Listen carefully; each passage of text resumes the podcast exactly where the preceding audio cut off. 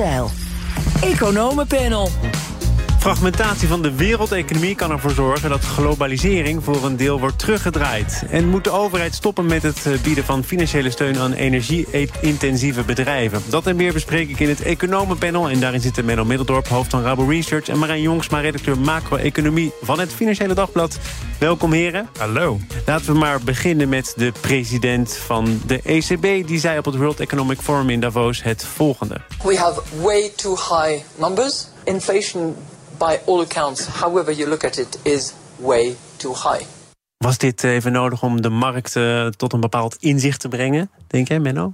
Ja, de markten vonden het toch. En dat zie je in Amerika nog meer trouwens. Dat de markten het toch wel moeilijk vinden om te absorberen dat er toch ja, renteverhogingen nodig zijn. Dat er misschien ook een tijdje aanhouden ook. Hè. Dus het niet alleen renteverhoging is, maar ook de vraag is van hoe lang blijven die rentes hoog.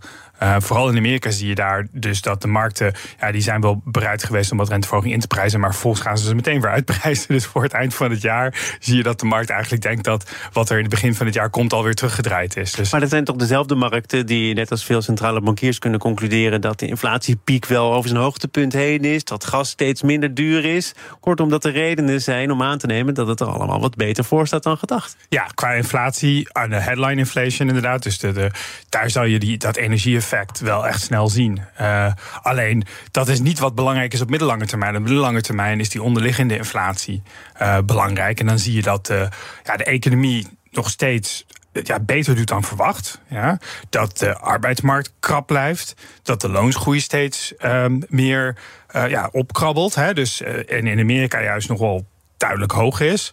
Ja, dat, dat geeft ze hun toch het beeld, van... ja, misschien zit er gewoon wat inflatie in het systeem... dat er nog even uitgeperst moet worden. En ons beeld is dan dat... Um, wat daarbij heel belangrijk is, niet alleen hoe snel ze omhoog gaan, maar ook hoe lang ze daar blijven. En je zag uh, vorige week uh, Brainerd bijvoorbeeld in Amerika, die zei heel duidelijk: die ging niet zozeer over hoe snel, maar ook over hoe lang. En die discussie in um, Europa um, is ook relevant. Want mijn beeld zou zijn hè, van je, je, je hebt nu wel wat meer ruimte om iets rustiger aan te doen of met verhogen. Maar dan vervolgens wil je wachten tot je echt bewijs hebt dat die inflatie goed naar beneden gaat, goed richting de doelstelling gaat. En dan ga je niet zo snel weer dat terugdraaien. En hoe lang duurt het nog voordat je dat weet? Uh, volgens mij is de remweg tussen uh, wat je doorvoert en wanneer dat effect sorteert wel iets kleiner geworden, toch? Het hoeft geen jaren te duren, of wel? Nou, ik weet niet of die remweg echt kleiner is geworden. Maar je wil onder deze omstandigheden wil je voorkomen dat wat er in het begin van de jaren 80 is gebeurd. En Paul had het hier ook laatst over. Dus dat ze, dat ze toen snel verhoogden, snel weer terugkwamen.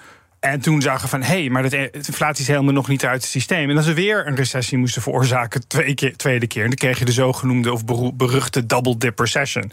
Uh, en dat, dat willen ze denk ik een beetje voorkomen. En ik denk dat ze wel, um, ja, dat ze in ieder geval dit jaar nodig hebben voordat ze de rente gaan verlagen. Om, om te zorgen dat, uh, dat, dat, dat het pad echt goed is ingezet. Ook in de onderliggende We praten hier al over renteverlaging. Het, het ging natuurlijk nu nog vooral om uh, de verwachtingen te temperen dat het met 25 basispunten wel gepiept zou zijn uh, binnenkort.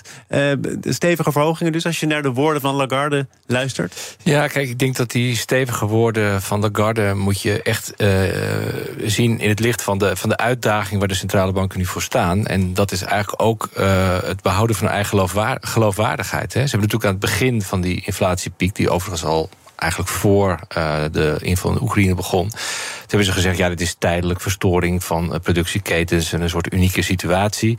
Nou, toen, toen gingen natuurlijk die energieprijzen enorm stijgen. En dat, zou ook, dat is in principe ook een tijdelijk fenomeen. Zeker in uh, inflatie is gewoon, ja, rekenkundig weet je op een gegeven moment is dat ook afgelopen.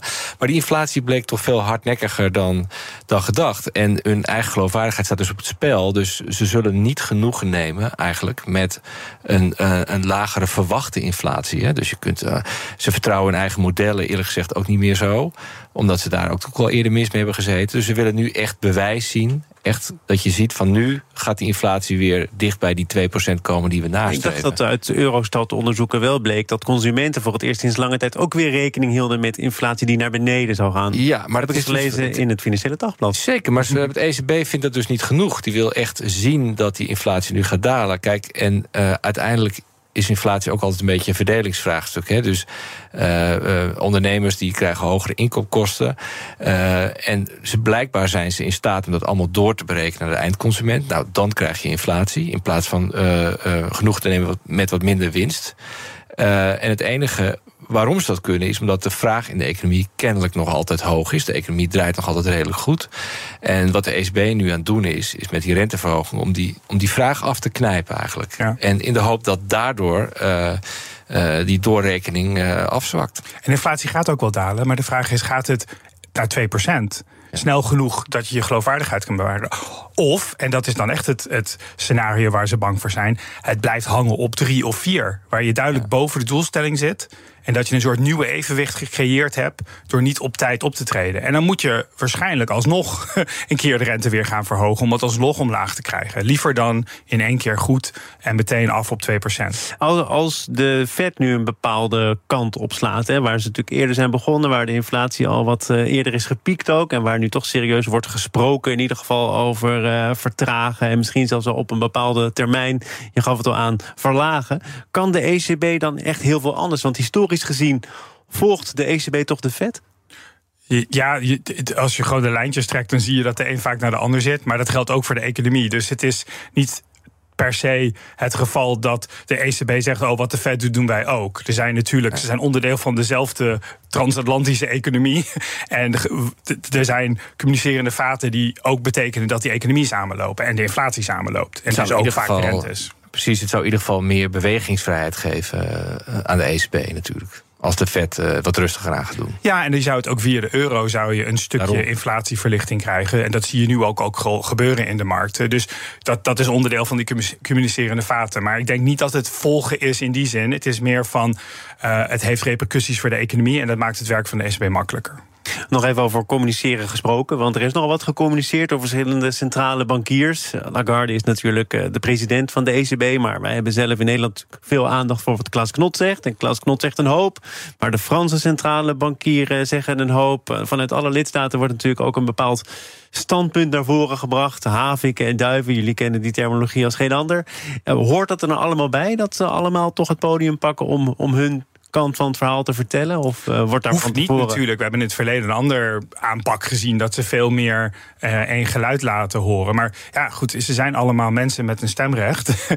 en ze mogen, ze mogen hun beelden delen. Uh, en de markt is, ta taak van de markt is om daar iets uit te distilleren. En je kunt het beste dan kijken naar de notulen. En volgens mij uit de laatste notulen blijkt dat heel veel centrale bankiers... zelfs nog pleiten voor een verhoging met 75 basispunten... in plaats van, van 25. En, en eh, als, de, als, als Lagarde komt, dan, dan dat zegt ook wel iets. Hè? Want die, heeft, die kan namens het geheel spreken. En als dan die zo heet heeft van nou, ik heb voldoende vertrouwen in dat, dat dit de consensus wordt dan, dan is dat, dat geeft dat toch wel meer gewicht. En daarom zag je ook dat de markt duidelijker daarop reageerde dan op andere uitspraken die zijn gedaan. Dat heeft ook echt wel een verschuiving. Hij zegt niet tegen Klaas Knot: Goh, eh, jij en ik eh, denken er op hoofdlijnen hetzelfde over. Als jij nu alvast even wat roept, dan kom ik er volgende week overheen. En dan wordt dat uiteindelijk het beleid.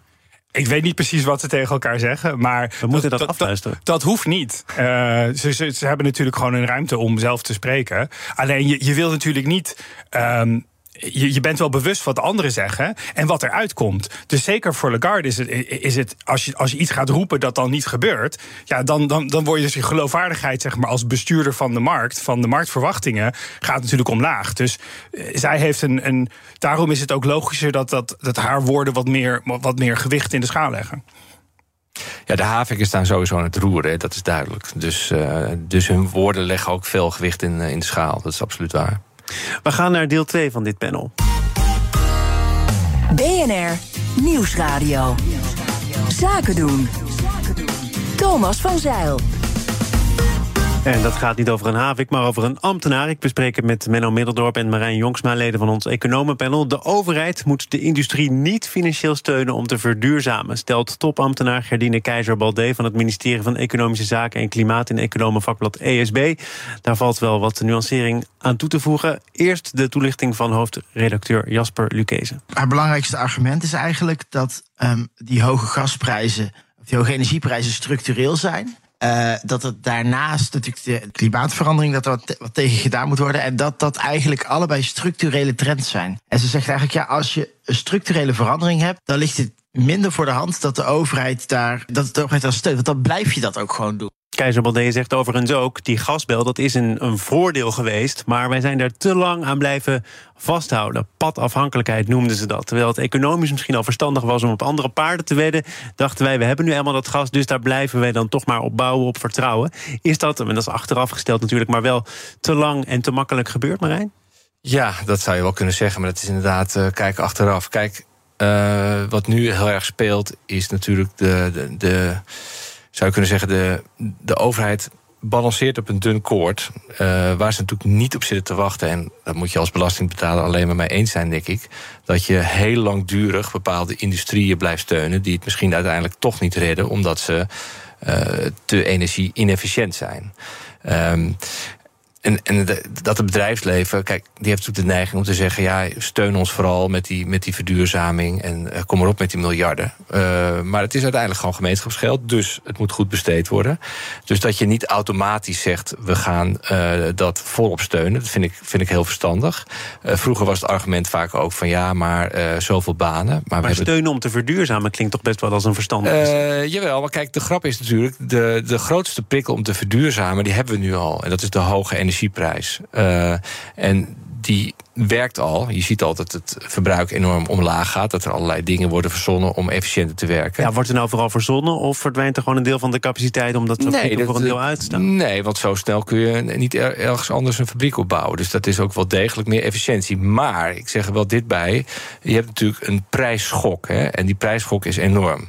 Dus je wil natuurlijk voorkomen dat, dat een tijdelijke enorm hoge prijs... dat die uh, een groot deel van je industrie wegvaagt. En je weet, als die helemaal weg is, komt die niet zo makkelijk terug. En dat is precies die evenwichtsoefening waar de overheid in zit. Dus je wil voorkomen dat door een tijdelijke situatie... een groot deel van je industrie verdwijnt. Maar je wil ook voorkomen dat je langdurig bedrijven aan het infuus hebt liggen. En dan op een gegeven moment moet je dan waarschijnlijk zeggen... nou, het gaat toch niet lukken. Dan ga je uitrekenen hoeveel miljarden heb je daaraan besteed. En dan krijg je een parlementaire enquête nou, met alle ellende van dien. Dat is, dat is volgens mij het, het spelletje wat nu gespeeld wordt. Ja, vooral, en ik denk dat het stuk altijd ook echt duidelijk over de gas afhankelijkheid. Hè. Dus we hebben een gaseconomie gebouwd en nu hebben we geen gas meer. Dus daar, moet iets nieuws komen. Um, dus het proberen met subsidies die gasindustrie, en dus dat bedoel ik niet de industrie zelf, maar de gasafhankelijke industrie eigenlijk in de lucht te houden, heeft geen zin. Die moeten duidelijk van het gas af. Uh, maar andere uh, sectoren die meer energie-intensief zijn, die, hebben, die zijn misschien al omgeschakeld naar elektriciteit ja, die zijn wel in die zin toekomstbestendig. Want dat is waar de, dus de groene stroom zal geleverd worden. Uh, of de groene energie zal geleverd worden via het elektriciteitsnet. Toch is, toch is het wel lastig om vast te stellen welk bedrijf er nu een wenkend toekomstperspectief heeft en welk bedrijf niet. Is ook nee, wat deze Wat ik wil zeggen is dat het in ieder geval heel zinnig is om een onderscheid te maken tussen gasgebruik en elektriciteit energie-intensiviteit. Hè? Dus als jij als, sector, als, ja, als bedrijf je kan aansluiten aan uh, het elektriciteitsnet, ja, dan is het vervolgens aan eigenlijk aan de andere kant van het net om te zorgen dat, dat het groen is. Net zoals jij een, als je een, een, een, elektrische auto koopt, dan heb je in ieder geval aan jouw kant geregeld dat je groene stroom kan ontvangen. Maar dan moet vervolgens het netwerk ook nog eens een keer groene stroom gaat leveren. Dus Precies. daar is een belangrijk onderscheid. En ik denk ook dat dat in de uh, manier dat je, dat je steun biedt, kan je daar ook eh, onderscheid in maken? Ja, feitelijk is het onderscheid tussen eh, de, infrastructuur, wat natuurlijk voor een deel een publiek karakter heeft, zou je kunnen zeggen. Wat de overheid wel in moet stappen, omdat het anders niet gebeurt. En dat is wat anders inderdaad dan steun aan bedrijven direct. Uh, Deze je wel ook wel dat uh, de mate van steun van overheden voor een deel wordt bepaald door de steun van overheden in andere landen. Als Frankrijk of Duitsland hun industrie stevig ondersteunen, kan Nederland dan niks doen dat is een gigantisch probleem. Dat speelt nu precies natuurlijk. Die hele discussie in Brussel met, uh, met Frankrijk en Duitsland... die aandringen op ruimere staatssteunregels... Uh, en uh, liefst ook nog in combinatie met een Europees fonds. Uh, daar, daar zit dus ook weer een onderdeel van die evenwichtsoefening in. Die heeft ook nog te maken met uh, het speelveld binnen Europa. En dat zou zomaar ernstig verstoord kunnen worden natuurlijk. Dat, dat, dat nieuwe Europese fonds, en je hebt daar ook een stuk over geschreven... over de subsidieoorlog en de spanningen binnen Europa... maar ook afgezet tegen wat er in Amerika natuurlijk is voorgesteld... met die Inflation Reduction Act. Komt er nou een, een nieuw Europees fonds of is dat nog maar de vraag? Dat is nog maar de vraag. Die discussie speelt nu. Nederland staat uh, doorgaans aan de kant van de sceptici... Ehm, en als zo'n fonds er komt, ja, dan wil je ook zorgen dat iedereen daar gelijke toegang tot krijgt. En dat het niet uiteindelijk weer bij. Kijk, want wat iedere keer weer opspeelt met dit soort uh, discussies, uh, is toch uh, de soort uh, heimelijke wens om Europese kampioenen te creëren. Die kampioenen zitten uh, doorgaans niet in Nederland. Die zitten in Duitsland en Frankrijk. Die ook een meer industriële traditie hebben. En het idee erachter is natuurlijk van ja, we gaan een soort reuzen creëren. We knijpen een beetje oogje toe met de mededinging. We gaan reuzen creëren die zeg maar, tegen andere reuzen elders ter wereld kunnen, kunnen opnemen. Ja, en, eh, maar daarom was er ook een prominente rol weggelegd in jouw stuk voor de eurocommissaris. Die gaat over mededinging. Mevrouw Verstager, ja. die hier helemaal niks in ziet. Nee, absoluut niet. En die, uh, die gaat natuurlijk over het bewaken van de concurrentie, uh, de vrije concurrentie en, de, en het tegengaan van concurrentievervalsing in Europa. En die is daar heel fanatiek in. Zij zegt, Menno, met subsidies kun je in de kern concurrentiekracht niet verbeteren. Heeft ze daar gelijk in? Daar ben ik niet helemaal mee eens. Ik denk met goede subsidies kan je wel nieuwe technologie een, een duwtje in de rug geven die vervolgens heel bepalend kunnen zijn. Moet je wel de juiste technologie uitkiezen of de juiste subsidievorm geven, zodat die technologie uitgekozen wordt door het bedrijfsleven. Dus daar zit het dilemma. Het andere dilemma hier is van, ja, er zit een beetje de, de, de, aard van Europa als constructie is dat het de, de open markt binnen Europa bevordert. Uh, maar we zitten en, en het leunde ook een beetje op een wereld waar dat ook zo geregeld was. En dat die wereld is natuurlijk, staat nu onder druk. Amerika zelf, die eerder die wereld beschermde, die is nu zelf veel meer industriepolitiek aan het bedrijven. Iets wat Europa vroeger veel meer deed. En dan hoe doe je dat binnen Europa met Europese landen op een manier dat je niet je interne markt ook eens nog eens een keertje kapot nou, maakt. Nou zeg het eens. hoe doe je dat? Dan heb je een Europese fonds nodig. Dat is op zich de logische oplossing als je subsidies gaat geven.